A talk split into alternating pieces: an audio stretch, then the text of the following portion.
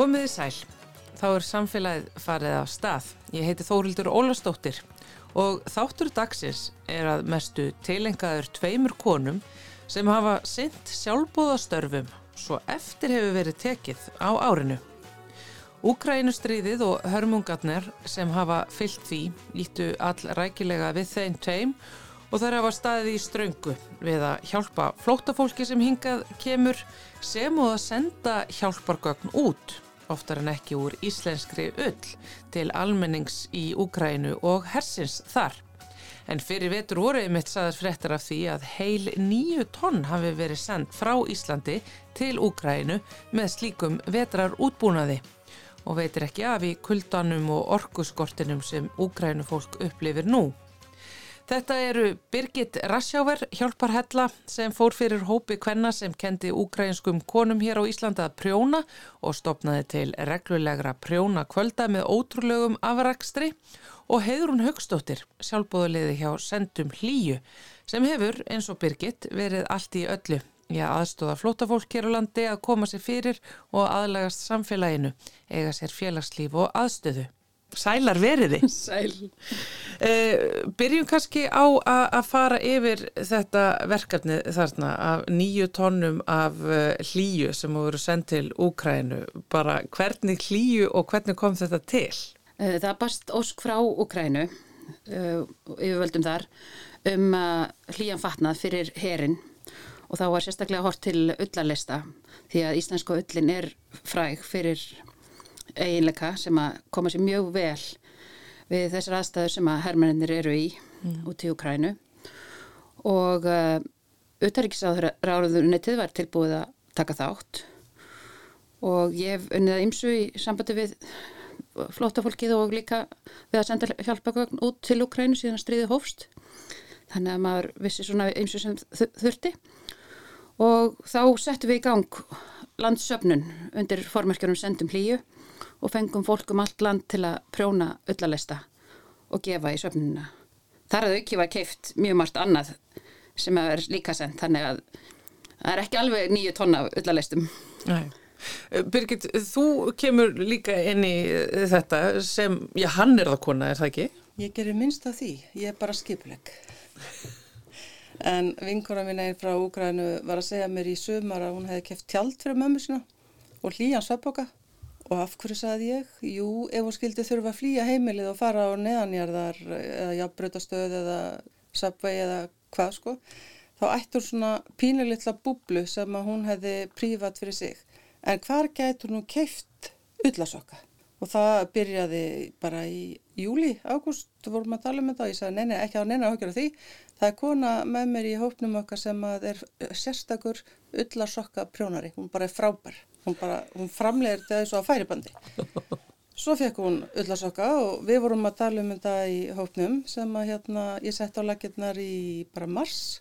Svona hann er það hóp þar sem að konundar fá allt sem þær þurfa til að prjóna og hekla og sauma. Mm. og þar hef ég kynst alveg frábærum íslensku konu sem buðu fram aðstóð sína til þess að vera með mér í þessu verkefni. Og Þannig byrjaði boltin að rúla bara í lok ágúst. Og við ákvaðum það að það hlýtti að vera fleiri heldur en bara mamma þessara konu sem þyrtti að fá eitthvað hlýtt. Og það ákvaði það að fara að reyna að prjóna og finna hvort þið getur mikið fengið eitthvað peysurgefnar og eitthvað svo leiðis og þá auglisti ég bara eftir því inn á handóðir prjónarar og handóðir heklarar.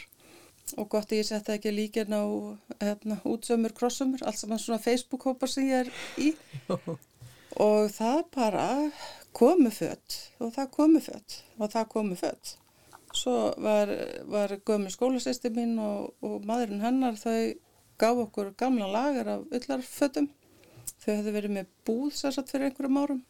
Áttu ennþá og, og það voru yfir 150 lopapeisur og, og vesti og jakkar og allt mögulegt. Alveg bara ríka, lega, flottgjöf.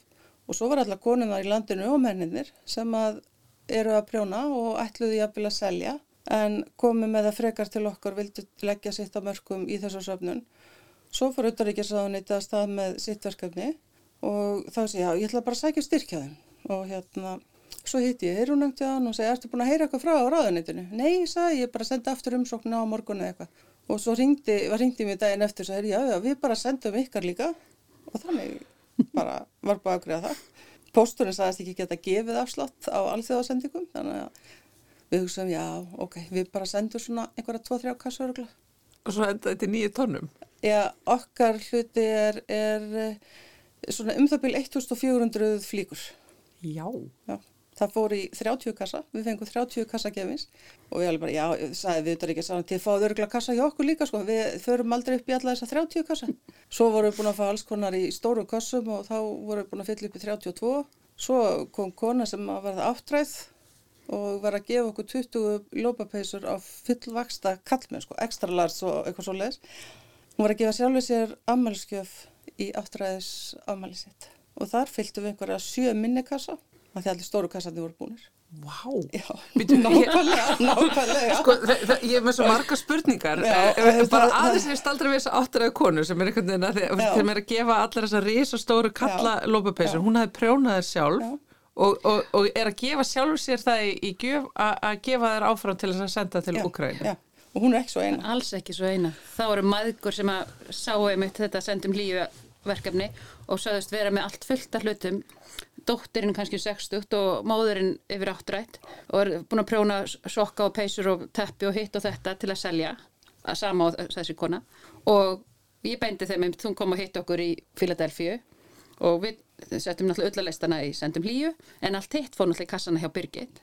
Og þetta er bara stórkostlegt að sjá íslenska þjóðun er svo gjafmild þegar að það þurfa kannski að fá aðeins vettvangin eða leiðina. Já. en fólk tekur við sér og við höfum gert þetta áður fyrir Finnland og við munum hvað færiðingar hafa verið okkur góður Já, já. og við megum bara ekki gleyma náunganum og Sko, það er eiginlega þið tvær sem að hérna, ég er svolítið að reyna að átta mig á.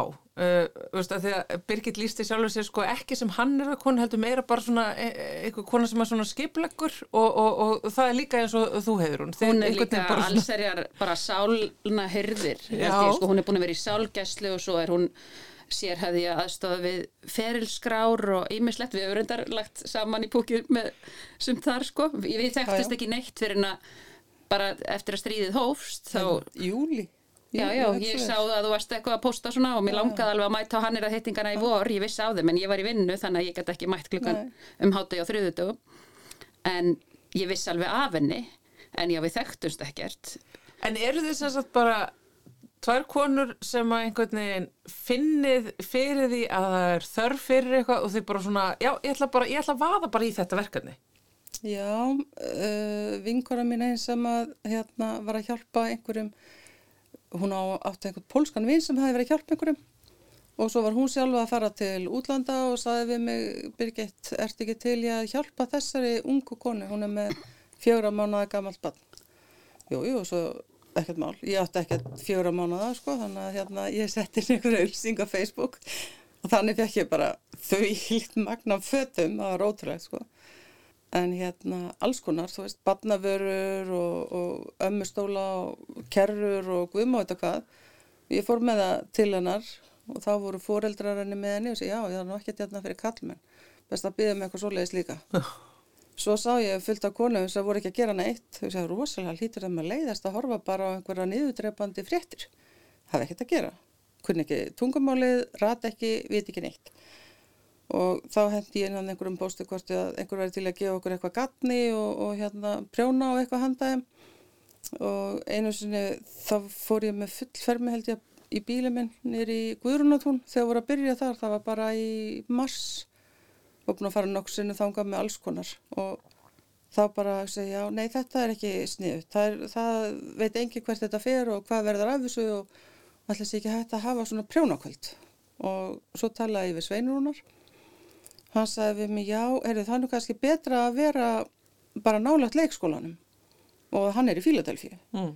Þannig ég ringdi í Fíladelfíu og spurði þau og já, takk, við máttum fá afnóta sal hjá þeim, vorum millir 12 og 3 og erum þar ennþá á þessum sama tíma og leikskólinn síðan er fluttur en við fáum að vera þær áfram, það er bara, þau eru æðisleg, það hefði ekkert orðu úr neinu, þú veist, ef, að, ef að þetta hefði ekki verið staðsetning, sko. Já. En, en hérna, það gekk eftir og svo setti ég eitthvað inn á þess að hópa hana inn á Facebook Já.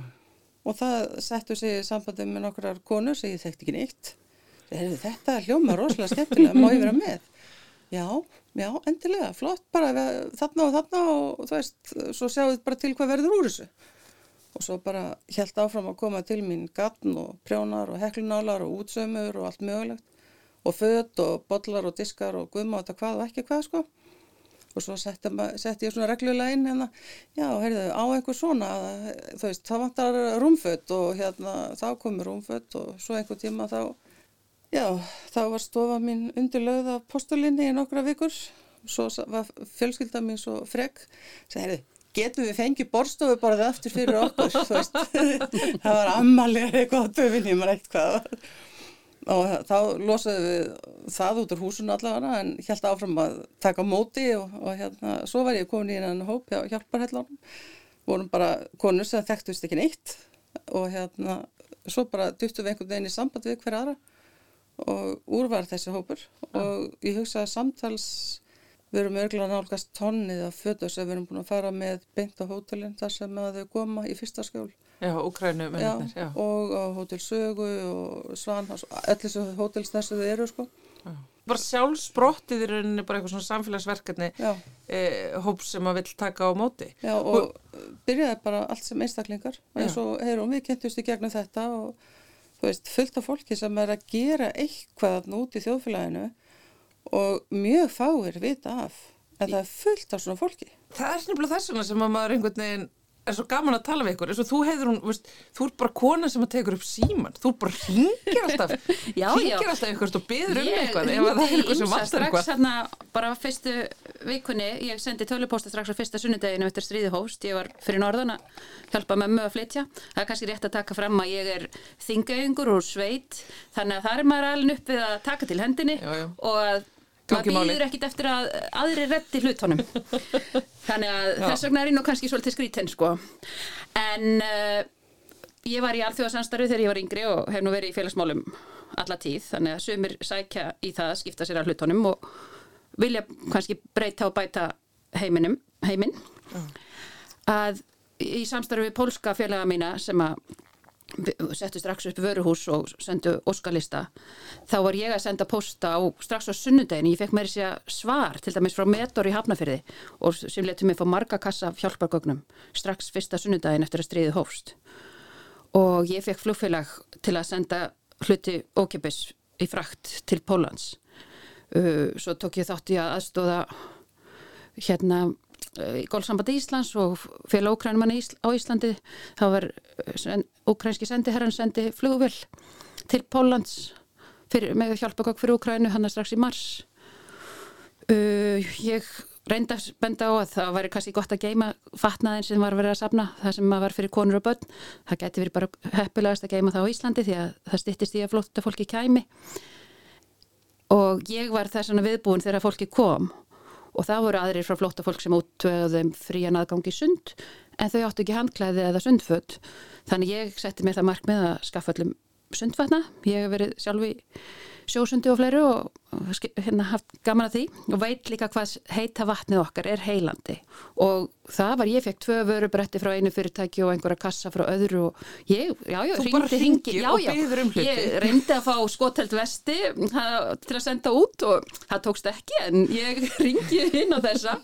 Og sjálfsögðu heldur sumir að, þurftu sumir að fá einhverja sönnur hver ég væri og þá gæti ég vísa pappirum frá borgastjórunum í Gitansk og, og ukrainska konsúlunum þar þar sem ég var nafngreint sem samstarfsaðili en Já, ég bara reyni, ég hafði samband við Jökul hjá skólavefnum og bað hann um ákipis aðgang fyrir fólki að skólavefnum til að hjálpa þeim að læra íslensku og hann var bara ekkert nema almeinlega heitinn. Ég setti mig í samband við starfsmannastjóra útlendinga eftirlitsins, spurði hvort vant það ekki fleira fólk sem talaði ukrainsku að því að ég vissi að það voru starfsmenn að mæta hann í mars út af keflaðu ykkur fljóðall og töluðu ekki orð í ukrainsku eða rúsnesku og ég vil nú bara segja að okkar samfélag er þannig að fólk hlustar. Það er hægt að tala við blá og kunnugt fólk og fá hjálp og fá virkja það. Hvort sem það er, ég fengi hræri vilar til að gefa áfram og ferðartöskur og bara alls konar hluti. Það var haft samband við mig frá landsbyttalanum og þau voru með geimslur í Kópái og við deildum út miklu magna af húsgóknum af lagar hjá þeim. Eða gistiheimili sem var aflagt vestur í bæ.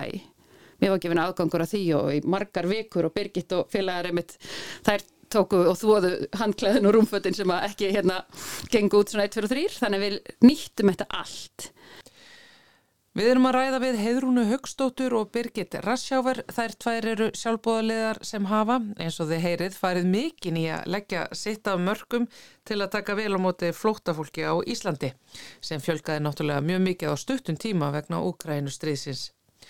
Þess má geta flugveilafarmurinn af hlýjum vetrarfatnaði sem þar stöllur tóku þátti að taka saman og var sendur út í byrjun desember er komin í nótkun á vikstöðunum vetrarkvöldar eru miklir í Ukrænu.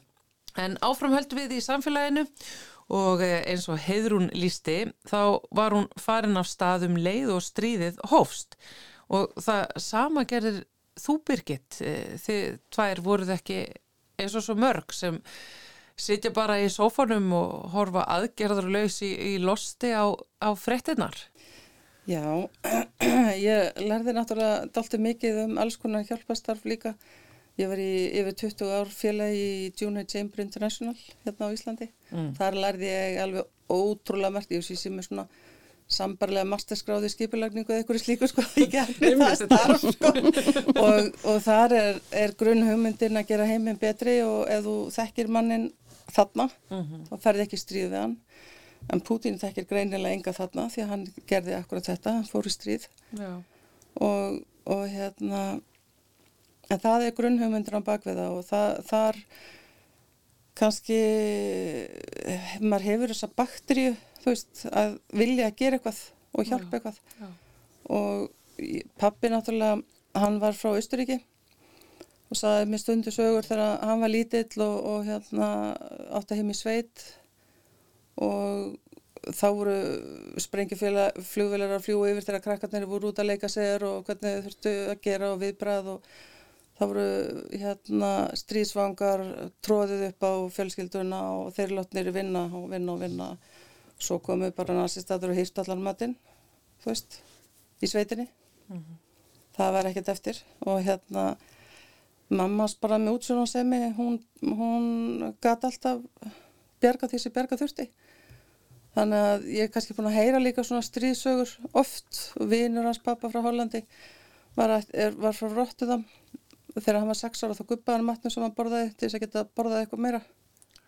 Og aðsókuppið ógæsli tilhjósun og bara svona sögur sem að ég hef heyrt en svo líka bara fjölskylda mín hefur verið rosa duglega í því að ofta gera eitthvað fyrir aðra og vera með og taka þátt. En þarna ég myndi að ég sá konundan að það sitja og gera ekki neitt þar byrjaði það kannski meira þú veist Já. og svo einhver tíman í vor þegar við vorum bara nýbyrjar þá hérna uh, hafði sambandi með kona og, og hérna sagði, heyrði, ertu heima á morgun? Ég er með fullan bíl, ég er að koma frá Kvamstanga það hafði köfilega Kvamstanga gefa bílfermi af nýjum skóm alls konar skóm. Og hún hafði sapnað í bæjarfélaginu og var með kuldagalla, úlpur og ég veit ekki hvað og hvað og hvað. Fullan í jeppa, ekki bara einhvern jaris, þú veist, hún var á stóru jeppa og ég alveg bara já, já, hefur sko setið eitthvað að þessi bílið minn hann er hérna, alveg bara já, það kemst náttúrulega ekki til hann, það voru tværferðin í Guðurnatún og svona bara hefur þetta verið og, og hérna eins og hérna hún segir sko hræruvilar, kaffivilar já, hún ringir, ég sendi töluposta ég veit ekki hvað, ég er búin að senda töluposta á mörg fyrirtæki. Einhvern tíman þegar þetta var að byrja og fólki var að byrja að koma og fara í einn húsnæði þá áttu náttúrulega lengi ramasvörur Þannig að ég sendi posta á all fyrirtæki sem seldu bröðristar eða þú veist kaffikonnur og svona. Við fengum einhverjar bröðristar og samlokugrill og eitthvað. Þetta er náttúrulega dýrtæki þannig að það er ekkert verið að gefa, fyrirtækin eru búin að gefa ótrúlega mikið. Já. Og það er alltaf verið að herja á fyrirtækin í landinu að gefa og gefa og gefa. Það mingar ekkert, núna eru konur yfir 2000 flótamenn bara frá Úkrænu, einhverju 600 heldur frá Venezuela og svo einhverjir frá einhverjum öðrum löndur líka og alltaf er herjað á fyrirtækin en þau hafa verið ótrúlega gjöful og hjálpsam og einstaklingarnir í landinu alveg lígilegt hvað eru viljur að koma svo var dóttir mín að vinna á badnaheimili sumar og það var sagt við hana, já, já, er það mamma því sem er með vöruhótelið? Rótilið. Það var alveg bara, uh, uh, já, allir það ekki. Já.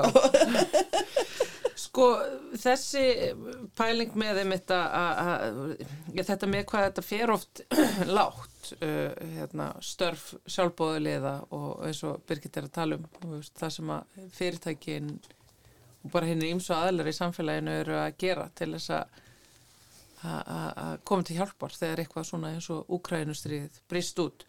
Um, er það að, að hjálpa og veita aðstóð er þetta eitthvað innan í manni er, þetta, er þetta köllun getið þið getið þið einhvern veginn Ég held þetta að vera, Sko- eða klikkun. Það er alltaf álita mál hvernig þau litið á þetta. Bönni mín væri nú alveg til í að ég væri aðeins stugleira að þrýfa heimilið og taka til þar og græja fyrir jólinn. En fyrst kannski að ég mætti hjálpa til aðeins meira heima við. En þau eru nú hraust og ágætlega á leggkomin. Sko, svipað á Birgit er að segja, þá er þetta spurning um hvað maður lærir. Og uppeldið og hérna ég man bara strax sem krakki og þegar ég var að horfa á bíómyndi frá setni heimstyrjöld mér fannst ofbúslega óhuguleg tilhugsunni að sjá hvernig almenningur brást ekki við. Hversu margir gerðu ekki neitt. Við vitum alltaf að það eru illmenni til en það skiptir svo miklu máli hvernig við hinn bregðumst við. Það getur engin okkar gert allt en við getum öll gert eitthvað. Og í þessu sambandi þá bara að því ég get þetta bara alveg svo Birgit er að segja uh, ef við lærum það bara svolítið snemma að heimurinn er ekki bara hérna postnúmeri mitt heldur hann er í kringum okkur og að löndin í Evrópu, löndin í heiminum eru í okkar samfélagi þá látum við okkur þetta að skipta. Þegar stríðið hefst þetta eru mestu fólksflutningar síðan í setni heimstrjöld það er engin núlefandi tilbúin til að bregðast við. Þannig að það er ekkit skrítið að Rauðikrossin eða önnur batteri á Íslandi hafi ekki verið tilbúin, það er ekki hægt að ætlast til þess. Nei. ég hef verið, fór að vera sjálfbáðalið hjá Rauðakrossinum uh, 2008 og hef verið í ýmsum verkefni þar og það er frábært að fara á námskeið hjá Rauðakrossinum og svoleiðis. En við hins vegar fjöldi fólks. Og það er sannlega ekki bara við Birgit heldur. Þó að við höfum bara kannski fengið aðtikli núna í tengslum við þetta sendum hlýjuverkefni. Uh, og það er þetta gott að hafa rödd til að bara hvetja aðra og líka þakka öllu þessu fólki sem hefur ekki fengið aðtikli fyrir að taka þátt. En þarna sjá sérmaður þörfina. Ég kynntist einhverju fólki, það var til dæmis Nikolai vinnu minn sem talaði ekki orði í ennsku og, fullari maður um 60 og hérna var í hérna kom sér vel að hann var með útilegu græðunar þegar loftarásna voru og, hann gæti eldað og hita sér vatn hann að fyrstu dögunum. Hann sagði að það væri draumu sinn að fara á landsleik og fara svo heim.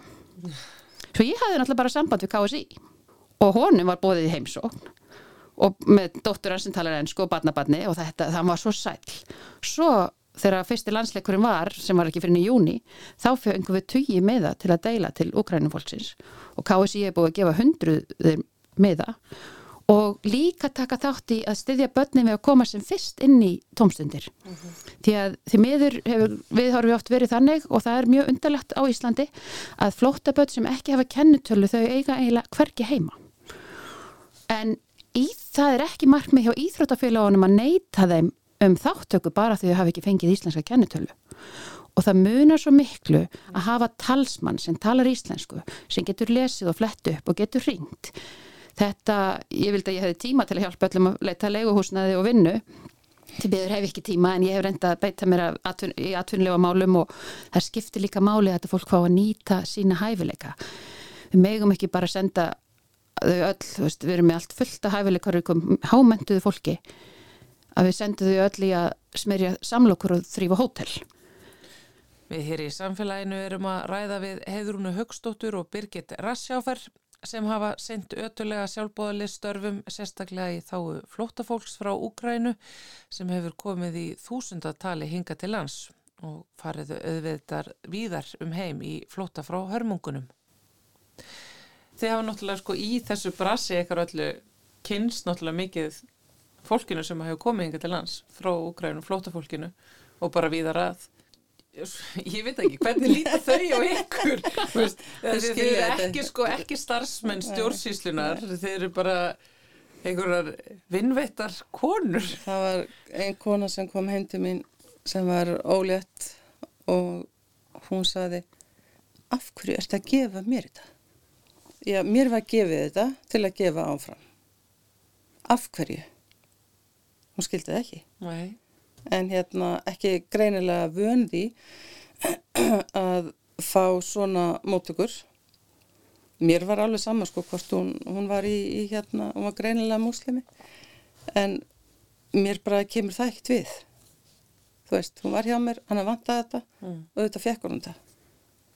Þú veist, og eins og fólkið er gafmild og mörg fyrirtæki og eins og einn í hópnum mínum hann að hjálpa allanum að það er að því að við svona, erum svolítið að vinna sitt okkur á sviðinu. Það er nú þrjáraðna hjúkurnafræðingar sko, þannig að hérna, það er tala ofta um nóroveiru og í pakkanum frá útlendingastofnun. Þar var einmitt ekki sápa og ef þú ert með 8.000 krónur á viku til þess að kaupa þér mat og spurningin er, ætlar að kaupa þér bjúa sem kostar kannski 800 kall eða sjampó sem kostar 800 kall, hvað kaupir þá? Og handsápuna sem kostar 400 kall, þá ertu konin 1200 kall af þessum 8000 eða þú ert ein. Ef þú ert með, þú veist, þá áttu 6800 eftir til þess að kaupa mat fyrir heila viku og er einhver sem að þið þekkið í þjóðfélaginu sem borðar fyrir minna en 6.000 og- og- eða þú veist á viku þið veitir og hérna en uh, það er eins sagt sem er rosalega dugleg í því að fá húsnæði og hún bara er í því eina hjúkonum hún er búin að gangi gegnum ímislegt sjálf og hérna hún sagði um daginn, það er ótrúlega hvað mikill munur, þau eru kannski búin að fá neitun, svo ringi ég og tala við þau og það er greinilegt að það er einhver Íslandingur hérna sem að er að aðstóða og er að fylgjast með þeim, þá fá þau húsnæðið. Og gjafmildin er ótrúlega hjá svo mörgum, en svo sér maður leiguverð, fyrirgefi. 150 skall fyrir að leiða einhvern fyrirgefiði, helviti spílskur, afsækja bara orðbræðið. Mér ég bara sögð kveljur þegar hún sagði mér þetta fyrst og síðan er bílskurinn búin að hækka. 100 fermetra íbúð, 300.000 fyrir ekki, er ekki í lægi með fólk sem á leigu íbúðir. Þar eru þeir sem græða og þeir eru ekki að gefa. Það er fólki sem á ekki mikið sem gefur mest. Það vantar frambóðið, þetta eru þetta kreppir að. Við erum með mesta fjölda ferðamanna frá upphafi og við erum að flytja inn fjölda fólks til að vinna.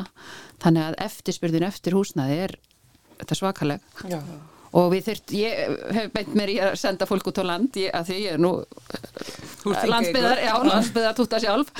Og ég mitt, það var fótboltamaður sem hafði sambandi með og ég sendi hann á Dalvík og veist, það er mitt, talaði ég bara við þá sem eru yfir fótboltanum þar sko. Og það tekið rosalega vel á mót þeim. Og við þurfum að gera meira í því að styðja fólk og líka að það geti þá tekið þátt í samfélaginu. Því að þetta er hörkuduglegt fólk. Það er svo dyrmætt fyrir okkur að virka þetta fólk inn í okkar samfélag því að þau eru ekkit komin hérna til að vilja vera baggi á samfélaginu því að þau, þau vilja taka þátt og bara, já, fá að vinna og uh, ég vildi óska þess að það var einhver færum að drífa upp meira húsnæði sko allt svona skiptir máli Já. Já. Við höfum svolítið verið því að myndi hjálparhellunum að því að við vitum að það er svo mikið af fólki sem vil hjálpa. Við erum svolítið að reyna að para fólk við flóttafólk. Þannig að spurja, það veist, eh, ertu til í að taka þér eina fjölskyldu og vera svona stuðningsmamma eða stuðningsforeldri og stuðningsfjölskylda fyrir þessi, þe- þessa einstæðu mömmu með tvö börn eða eh, þennan einstæðu pappa með eitt eða tvö börn líka, þú veist, það, það, og ótrúlega hvað margir eru viljur að gera það og svo eru fleiri að núti sem vita ekkert við hvernig þeir eiga að tala Já.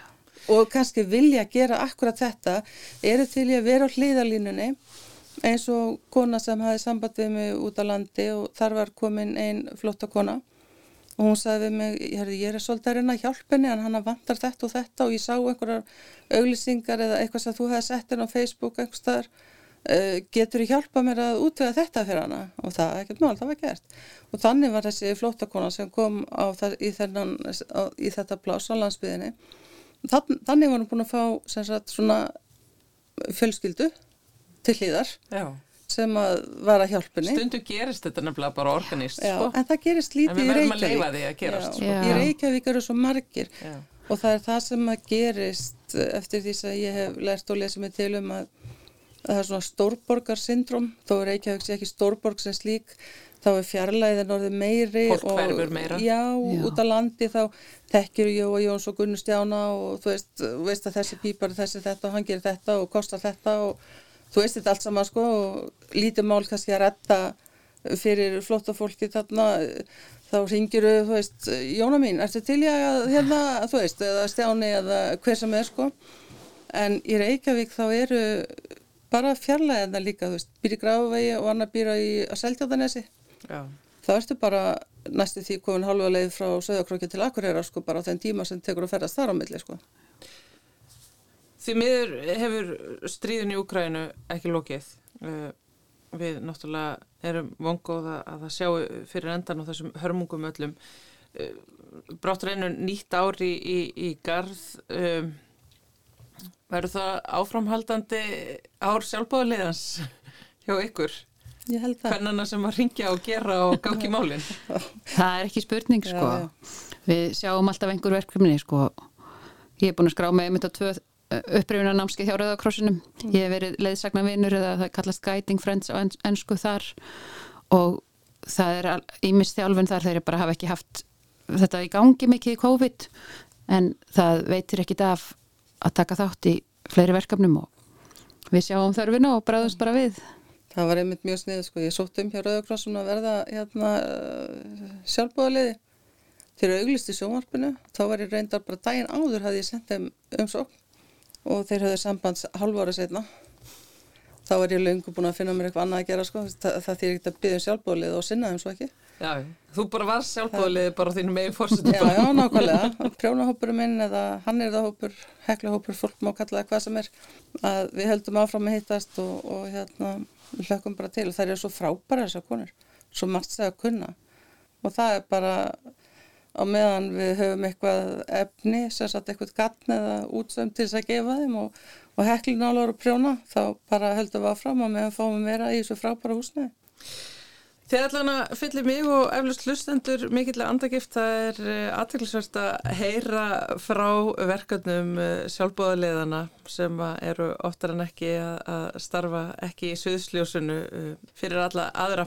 Takk kærlega fyrir að koma hinga til okkar. Kæru Birgirt Rassjáver, sjálfbóðaliði og hjálparhella í Hannirða Hóp og Heiðrún Haugstóttir, sjálfbóðaliði hjá Sendum Hlíu. Takk kærlega fyrir spjallið og allt það sem þið hafi gert.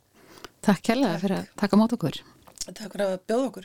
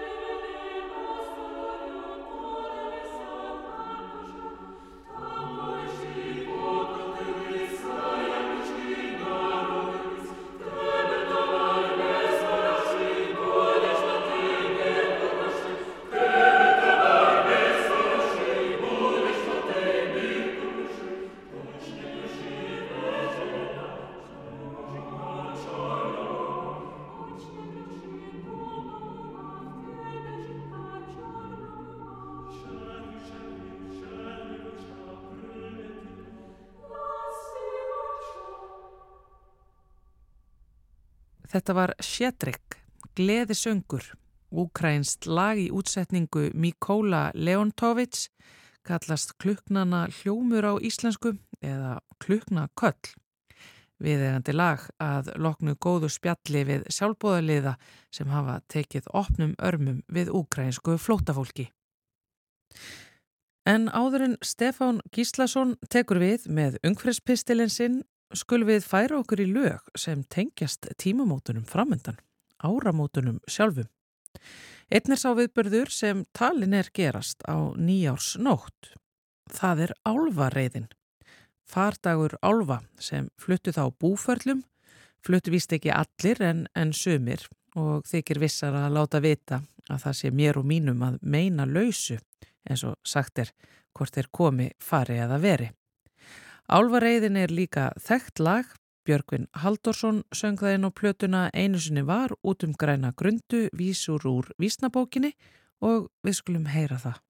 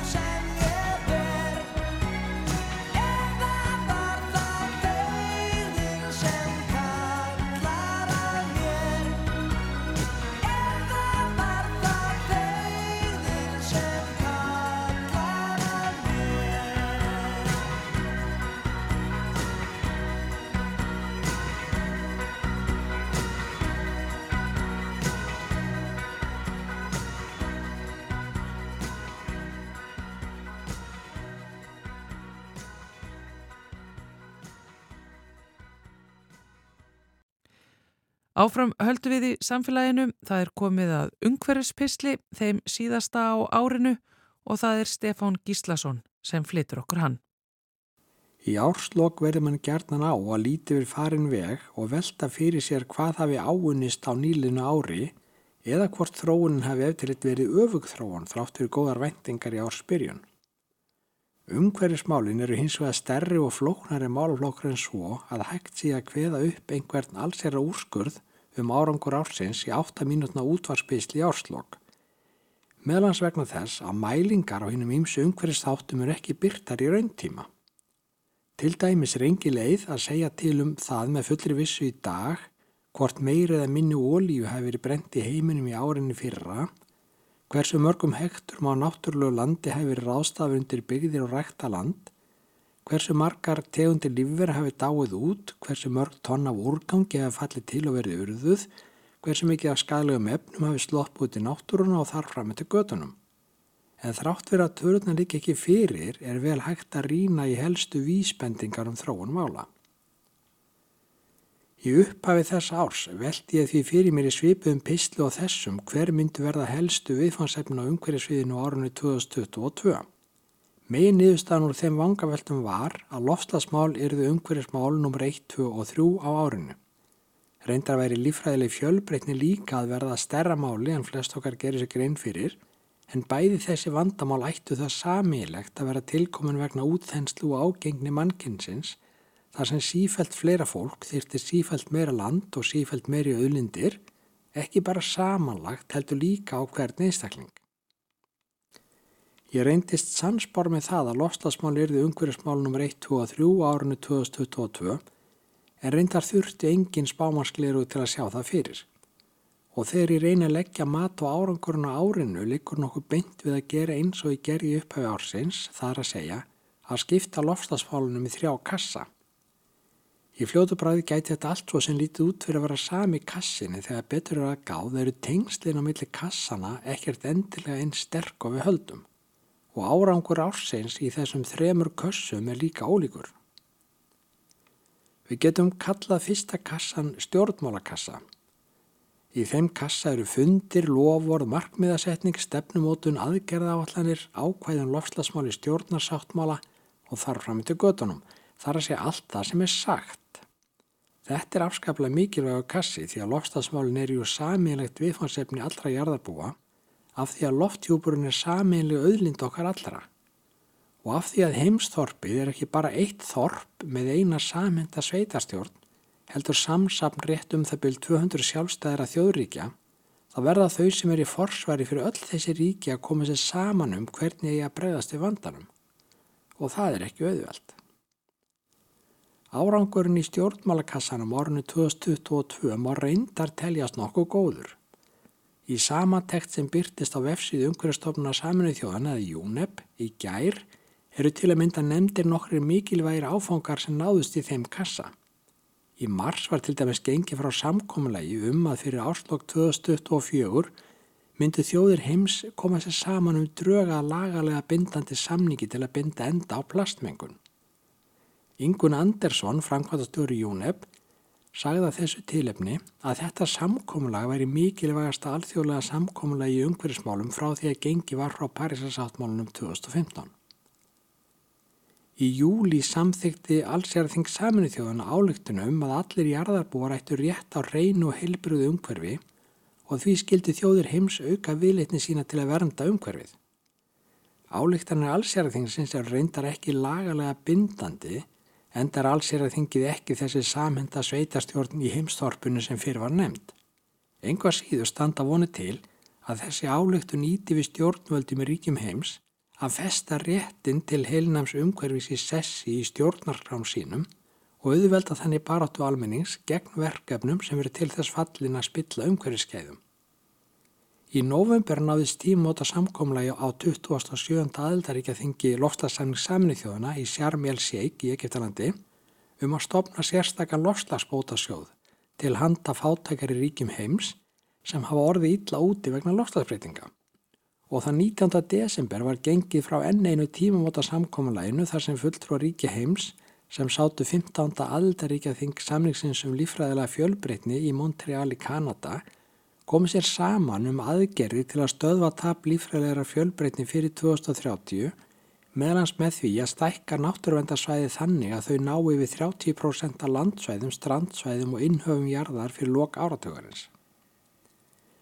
Kassi nr. 2 er aðgerðakassin. Í þeim kass er allt sem við gerum, hver sem við erum, til að draga á losun gróðursalofti und og minka þannig þau áhrif sem við höfum á lofslægi á jörðinni eða til undirbúa okkur undir þær breytingar sem okkur texti ekki að koma í veg fyrir. Í þessum kassa eru orkuskipti, endurhendu votlendis, útfösun lofslagsskæðlara kælimiðla, lofslagsveitna mataræði, minni innkaup af óþarfa, skórakt, ábyrgnótkun jarðvegs, skinsaleg meðhallan úrgangs og sitt hvað fleira, hvort sem því hefur verið lofað í kassa nr. 1 eða ekki og hvort sem það er hluti af alþjóðlegum skuldbindingum Íslands eða ekki. Í þessum kassa hafa auðvitað ímis verk verið unnin á árunni 2022, bæði hérlendis og erlendis, náttúrunni og samfélaginu til góðs. En þegar hortið tilbaka er þó engin leið að fullir að þessi verk ná að vega upp áhrif annar verka sem unin hafi verið á sama tíma bæði hérlendis og erlendis, náttúrun og samfélaginu til tjóns. Dæmum eitt slíkt verk er stríði í Úkrænu en margt smerra mætti tína til. Kassi nr. 3 er loslaskassin. Í þeim kassa er það sem gerist í andurslóttinu og þar með í lífríkinu kringum okkur og er afleðinga því sem gerist í kassa nr. 2. Innihaldi í kassa nr. 3 er hins vegar ekkert endilega tengt innihaldinu í kassa nr. 1. Lofvorð, markmiðasetning, stefnumótan og aðgerra állanir hafa nefnilega engin áhrif á lofslægið nema þeim sé fyllt eftir. Reynda vilt svo vel til að í kassanum við þrjú höfum við aðganga mælingum sem eru byrtar í rauntíma, nefnilega mælingum að styrka koldioxís í andrusloftinu. Þetta er auðvitað bara mælingu einu tilteknu atrið í umhverfinu, en þessi eina mæling gefur samt bísna góða vísbendingum hvert stefnir. Í fyrra dag mældi styrkur koldioxís í andrusloftinu 419,44 miljónastu hlutar eða ppm en á sama degi fyrra var hann 417,24 ppm. Hækkunin á þessu eina ári var sem sagt rúmlega 2 ppm sem er svipuð árleg hækkun á mörg ár þar á undan. Þart er sem sagt ekkert sem bendir til að við höfum náð árangri á árunum sem er að líða.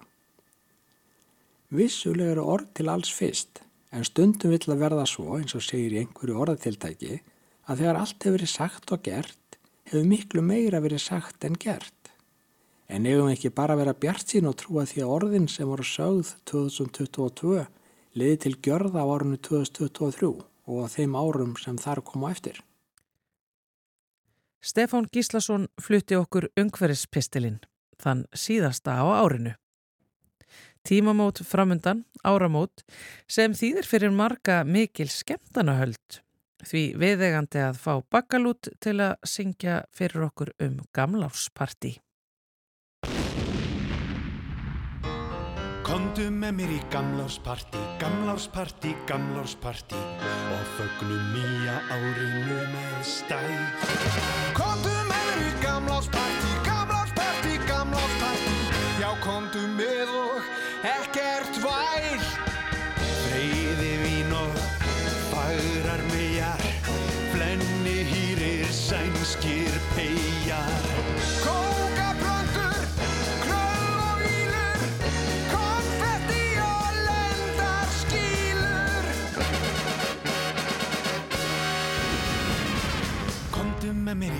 gamlársparti, gamlársparti, gamlársparti Ég splæs í taxa ef þú finnur hús.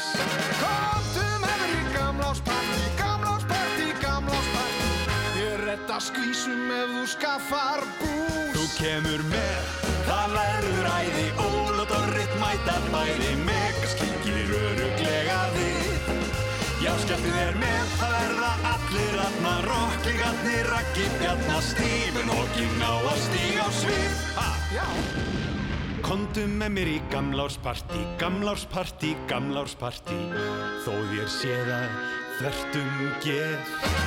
Kondu með mér í gamlársparti, gamlársparti, gamlársparti Og taktu litlu sýstur þínar með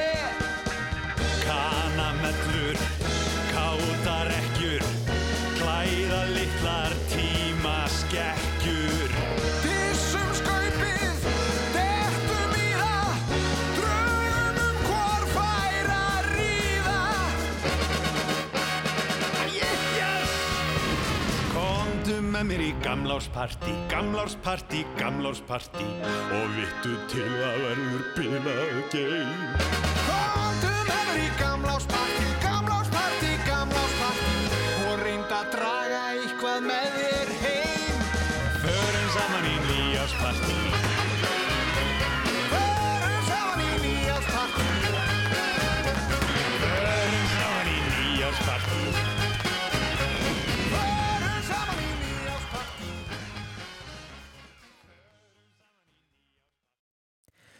Flugeldarnir glimja í gamlársparti hjá Bakalút minnum hlustendur á að setja flugeldarusl í réttan farveg.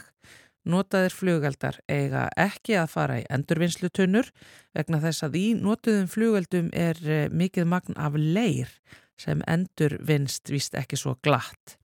Umbúðurnar utan af flugeldunum, plastið og pappirinn og það allt má hins vegar endurvinna Ef svo vill til að þið eigið flugvelda sem eru útrunnir eða hreinlega ónotaðir, þá er hægt að setja þá í spillefnagám eða inn á næstu endurvinnslu stöð. En eh, næst fáum við málfarsmínútu.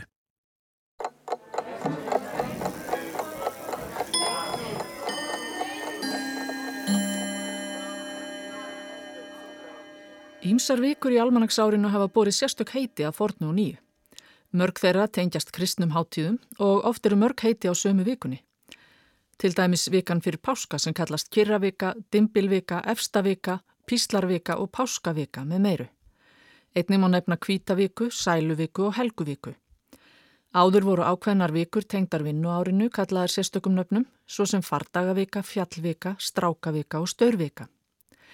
Ein vika hefur ekki fengið sérstakt heiti og ekki verið kallað eftir því sérstaklega, svo líklega er engin þörf fyrir það. Það er vikan milli jól og nýjárs. Eða öllu heldur, hún heitir einfallega milli jól og nýjárs. Á norsku kallast þessi vika rúmjúl eða mellumjúl, það er að segja rúmhelgjól eða millijól.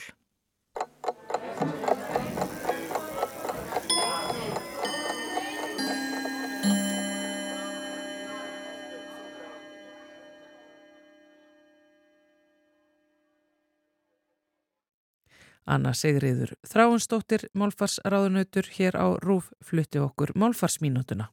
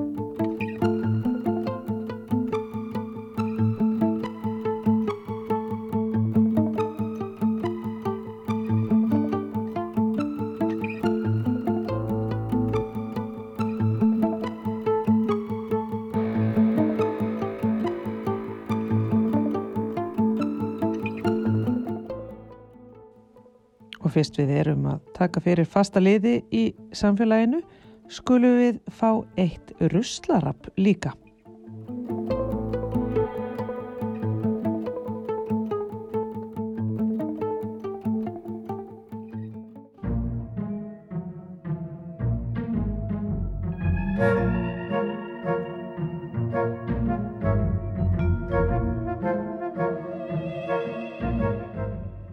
Og þá eru við komin í russlarappið hérna í samfélaginu, Eirikur Þorstesson sem er sérfræðingur í fræðslu og miðlun hjá Sorpu er sestur hjá okkur og hann fer alltaf yfir eitthvað svona eitt atriði sem að fólk er að böglast með þegar það er að flokka og hér eru við með eitthvað sem að hlustandi sendi inn til okkar á samfélagið at eruvaf.is það eru hvað á að gera við kassakvittanirnar?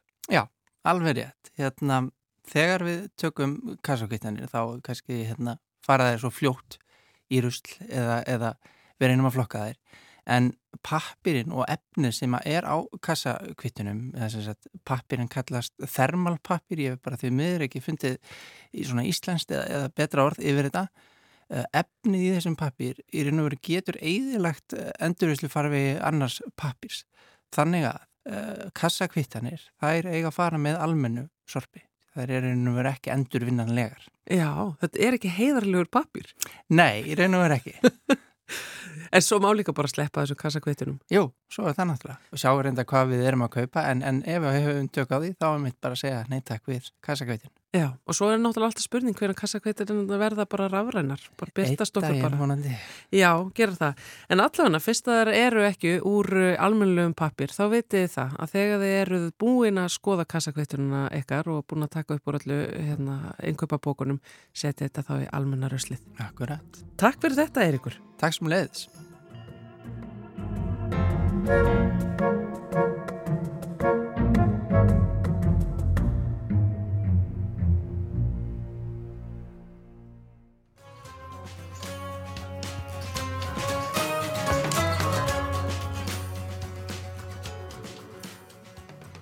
Ruslarabað baki sem og samfélagið í dag. Við verðum hér aftur á sama tíma á morgun. Ég heiti Þórildur Ólastóttir. Verði sæl.